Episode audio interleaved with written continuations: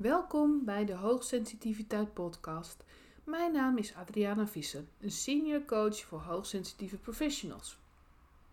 Wederom neem ik deze podcast op alsof wij samen aan tafel zitten. Met andere woorden, ik knip en plak er niet in en ik bewerk hem ook niet. Oké, ehm, allereerst heb ik nog een mededeling voordat ik verder ga over het HSP geluksmodel. Ik krijg de laatste tijd heel vaak vragen van hoogsensitieve coaches en therapeuten. En ehm, ik heb wel informatie voor hen op mijn website staan. Maar ik vind het ook heel erg belangrijk om meer met hen te kunnen delen. Of misschien wel met jou, misschien ben jij wel een hoogsensitieve coach of therapeut. En uh, ik wil dan in een blog bijvoorbeeld onderwerpen behandelen die jou aangaan. Nou heb ik er ondertussen voor gekozen om daar een nieuwe website voor te maken. En dat is adrianavisser.online. Dus ben jij hoogsensitief, ben je coach, ben je therapeut en wil je meer erover weten hoe je ermee om kunt gaan, hoe je op je energie kunt letten, wat je kunt doen als je zelf blokkades hebt of als je moeite hebt met grenzen te herkennen en te erkennen. Wil je gewoon een keer met mij sparren?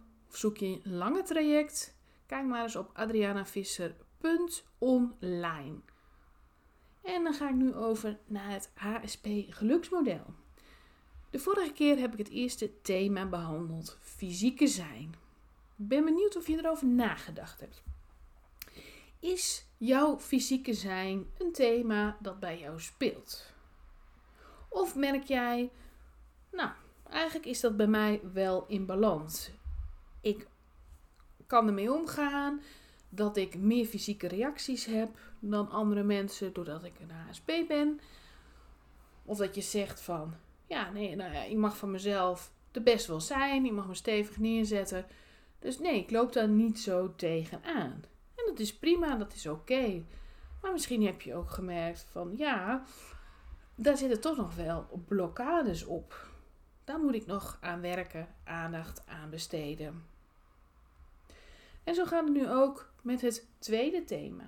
Het tweede thema is emotioneel. Het gaat dus over emoties. En ik ben benieuwd of je hier iets in herkent. Vaak wordt de aandacht besteed aan het feit dat HSP meer emotioneel zouden zijn dan een gemiddelde ander. En dat wordt niet altijd positief bedoeld. Er wordt heel vaak gedacht van ja, dan ben je heel emotioneel en heel erg uit balans enzovoorts. Hoeft helemaal niet. Je kunt het zo opvatten. Je voelt meer. Dat betekent dat het heel positief kan zijn. Dus je bent ook gelukkiger, je kunt meer genieten. Nou, als dat zo is, blijf dat alsjeblieft doen. Blijf er ook aandacht aan besteden. Blijf er ook aan werken. Want hoogsensitiviteit heeft ook hele positieve kanten. Waaronder dus inderdaad dat je ook meer positieve emoties kunt ervaren. En dat je die ook dieper voelt en opmerkt. Dus richt je daar vooral op. Daarnaast, als je merkt dat je daar problemen mee hebt, dan zie ik het volgende heel vaak in mijn praktijk. Ja, emotionele disbalans. Maar die emotionele disbalans hoeft helemaal niet altijd met hoogsensitiviteit te maken te hebben. Ik zie het eigenlijk altijd in combinatie met gebeurtenissen die niet verwerkt zijn, lichte trauma's. Dus er is altijd meer aan de hand. Of afwijzing die je ervaren hebt in je jeugd of toen je naar school ging. Dus er speelt altijd meer. Je krijgt niet zomaar een emotionele disbalans.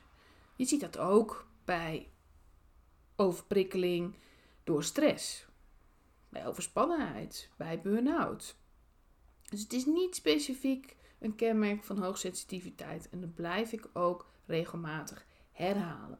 Desalniettemin als je uit balans bent, is dat natuurlijk heel vervelend. En dan ga ik altijd op zoek naar de oorzaak. Waar liggen de wortels van dit probleem? Waarom voel je dat zo? Waarom ervaar je dat zo? En wat kunnen wij daaraan doen? En daaraan gekoppeld is het natuurlijk wel zo dat je hoogsensitiviteit alles uitvergroot. Dus daardoor merken hoogsensitieve mensen dat veel sterker, dat veel meer. Dat je emotioneel uit balans raakt. Als je stress hebt en daarnaast hoogsensitief bent, ervaar je die stress nog veel meer. Dus de hoogsensitiviteit vergroot alles uit. Wat ik eigenlijk net zo vaak zie, of misschien nog wel vaker, is het juist niet mogen voelen. En ik ga nu even niet de discussie aan wat het verschil is tussen gevoelens en emoties. Want een zegt dit en de ander zegt dat. Daar gaat het me nu even niet om. Het gaat me om het feit dat ik heel veel mensen in mijn praktijk zie die niet meer kunnen voelen. Dat hebben ze weggestopt. Dat voelen doet pijn. Dat heeft ook vaak met het verleden te maken. Als je, zoals ik al zei, bijvoorbeeld te maken hebt gehad met afwijzing, dan kun je rejection sensitivity ontwikkeld hebben. Dus dat betekent dat je bang bent om afgewezen te worden. Nou, de meeste HSP reageren daar juist heel gevoelig op. Zo van: ik moet dat voor zijn, ik moet daarop scannen. En als ik maar enigszins het idee heb dat er iemand kan zijn die niet goed vindt wat ik doe, of die het veroordeelt of me niet aardig vindt, dan ga ik daar niet mee om.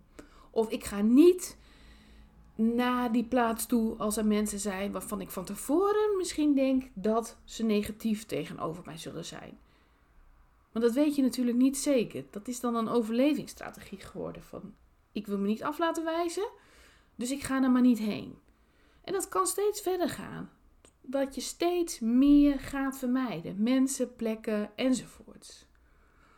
Of je gaat heel erg lopen pleasen. Je aanpassen. Dat je denkt, nou waarschijnlijk willen ze dit horen of dat zien. Of hebben ze dat nodig. Dus dan moet ik dat maar doen. Dus om voor te zijn dat je afgewezen wordt, kun je denken, ik ga maar nergens meer heen. Zeg ik het even heel groot. Of je kunt denken, ik moet alle afwijzing voor zijn waar je bang voor bent. Dus je moet heel goed opletten of proberen te voorspellen wat die mensen willen of nodig hebben. Dus dat is ook heel vaak een reactie die je op afwijzingsgevoeligheid ziet. Nou is er ook een groep die het helemaal is gaan blokkeren. Die hebben een muur om zich heen gezet. Ik laat me door niemand meer kwetsen. Ik laat me door niemand meer afwijzen. Dus ik hoef ook niet meer te voelen. Daarnaast kunnen er nog andere redenen zijn om niet meer te voelen. Bijvoorbeeld omdat je een trauma hebt meegemaakt. En ik zie dat dus heel vaak terug. Dat afsluiten van die gevoelens. Ik wil niet meer voelen, want dat doet pijn. Ik wil me niet meer openstellen voor mensen. Want dan word ik teleurgesteld. Dan word ik gekwetst. Maar daarmee verlies je dan ook het vermogen om te voelen wat je nodig hebt voor jezelf en wat goed is voor jou. En ik merk al jaren dat mensen dat dan dus niet meer weten. En dat moeten ze dan opnieuw leren. Dat moeten ze niet alleen, dat willen ze ook. Want uiteindelijk, als je hulp vraagt, ben je er vaak bewust van: er klopt iets niet. Ik voel bepaalde dingen niet goed genoeg meer. En zeker niet meer wat ik wil en wat ik nodig heb. En daardoor kun je juist over grenzen heen gaan. Dus je probeert te voorkomen dat je over grenzen gaat, dat anderen over je grenzen gaan, door niet meer te voelen. Dan voel je inderdaad de dingen niet meer die je pijn doen. Maar dan ben je ook de indicator kwijt van dit wil ik niet. Hierbij is de grens bereikt. En dat je dat dus uitspreekt. En ook omgekeerd, dit wil ik wel. Hier voel ik me gelukkig door. Hier word ik blij van. Hier geniet ik van. Dus dit moet ik vaker doen. En nogmaals, ik bespreek dit vanuit ervaringen al die jaren in mijn eigen praktijk. Er is altijd meer aan de hand.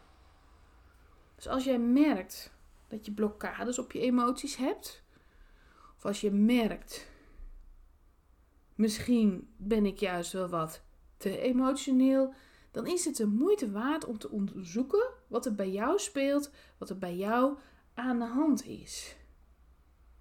Want gevoelens mogen er zijn, emoties mogen er zijn. Je bent een mens, naast het feit dat je er mag zijn, hè, thema 1, het fysieke zijn, heb je ook het recht om te voelen. En het recht om voor jezelf te kiezen. Maar dan moet je wel eerst weten wat je wilt. Voelen wat je wilt. En het thema emotioneel en dat hoor je misschien indirect wel, heeft ook heel erg te maken met de relaties met andere mensen. Dat kunnen persoonlijke relaties zijn, maar ook je werkrelaties. Het voelen, het ervaren wat je nodig hebt in een relatie. En dan afwegen of je dat voldoende kunt ontvangen. Daar gaat het om, hè? kun je het ontvangen. Dat is één kant. Maar ook Krijg ik het ook voldoende? Is er voldoende een wisselwerking in deze relatie? Ik geef jou aandacht, ik geef jou energie, maar heb jij dat ook voor mij? En dat is niet iets wat op een weegschaal ligt en constant afgewogen moet worden, maar wel het advies om alert te zijn op relaties met mensen die altijd komen halen, die jou leegzuigen of die altijd lopen te klagen. Altijd een drama, altijd een probleem. Dus ga eens voor jezelf na. Hoe zit dat in relaties? Hoe voelen die voor mij? Krijg ik er energie van? Is er een gezonde wisselwerking? Dat is belangrijk om je af te vragen. En nu zeg ik niet, hak meteen die knopen door. Maar zorg wel voor een bepaalde balans. Soms kunnen mensen er ook niks aan doen. Maar dat hoeft niet zo te zijn dat als jij bijvoorbeeld al moe bent, je dat moet gaan opzoeken. Je moet altijd overwegen: heb ik er nu energie voor? Voel ik me nu goed genoeg om bijvoorbeeld naar iemand te gaan die het moeilijk heeft? En ik weet dat het voor heel veel HSP klinkt als egoïsme. Maar je moet het zomaar zien als jij voldoende energie hebt, als jouw emmertje vol zit, noem ik het altijd, dan kun je makkelijk iets aan een ander geven. Maar als je emmertje niet vol genoeg is, dan geef je dus energie van jezelf weg. Dus overweeg altijd goed: geeft deze persoon mij energie? Vraagt hij alleen energie? En voel ik me op dit moment in staat om met diegene om te gaan? Want je moet ook om jezelf denken. Je kunt er alleen maar zijn daarnaast voor andere mensen als je goed voor jezelf zorgt. En die basis zit in je fysieke zijn. Dat is dus dat je om voldoende zelfzorg denkt. Ontspanning, rust, goede voeding, de natuur in. Allerlei dingen waardoor je weer op kunt laden, waardoor je weer energie hebt. Maar anderzijds ook door te beseffen hoe voelt dit? Hoe voelt deze persoon? Hoe voelt deze relatie? En als ik er nog een stukje verder doortrek, kun je je soms afvragen: die emoties die ik voel, zijn die allemaal wel van mezelf? Of door die spiegelneuronen, waar ik het wel eens eerder over heb gehad, komt er heel veel informatie binnen van die ander. Die energie van die ander, die kun je daardoor soms zelfs voelen alsof hij van jou is. En dat kun je herkennen doordat hij ineens omslaat. Dus je voelt je goed, je bent bij iemand en die blijkt achteraf heel moeilijk te hebben. Misschien uit diegene het uitgebreid, misschien wil hij jou sparen, maar je voelt het wel. En dan ineens slaan die emoties om. Dan voel je ineens heel moe of boos. Dus je kunt het ook overnemen. Minimaal voel je het als HSP goed aan. Maximaal voel je het alsof het van jezelf is. Vooral als je grenzen niet altijd even stevig zijn. Dan vervloei je heel makkelijk in de ander. Dus vraag je ook altijd af: is dit van mij of is dit van de ander? Denk er maar eens over na. Ik ben heel benieuwd hoe dat bij jou werkt. Ik noem alleen een aantal zaken die ik regelmatig signaleer in mijn praktijk. Nou, ik heb zo net al af en toe het gehad over energie. Over grenzen daarin. Dat je energie geeft, wat energie neemt. Energie die mensen uitstralen. Wat jij oppikt. En dat is ook het derde thema. Energetisch. En dat thema, energetisch, daar vertel ik je de volgende keer meer over. Denk jij nou, ik herken mijzelf hierin? Ik denk dat het energetisch iets is. Misschien weet je dat al voordat, pardon, voordat de volgende aflevering komt. Misschien denk je dat emotionele stuk herken ik iets in. Of dat fysieke stuk. En ik wil er eigenlijk wel begeleiding in. Laat het me dan even weten. Kunnen ook andere zaken nog zijn waar je tegenaan loopt. Als HSP zijnde. Hoe dan ook, als je wilt, kun je me bereiken op mijn website adrianavisser.nl en daar kun je een introductiesessie aanvragen. Bedankt voor het luisteren en tot de volgende keer. Dag!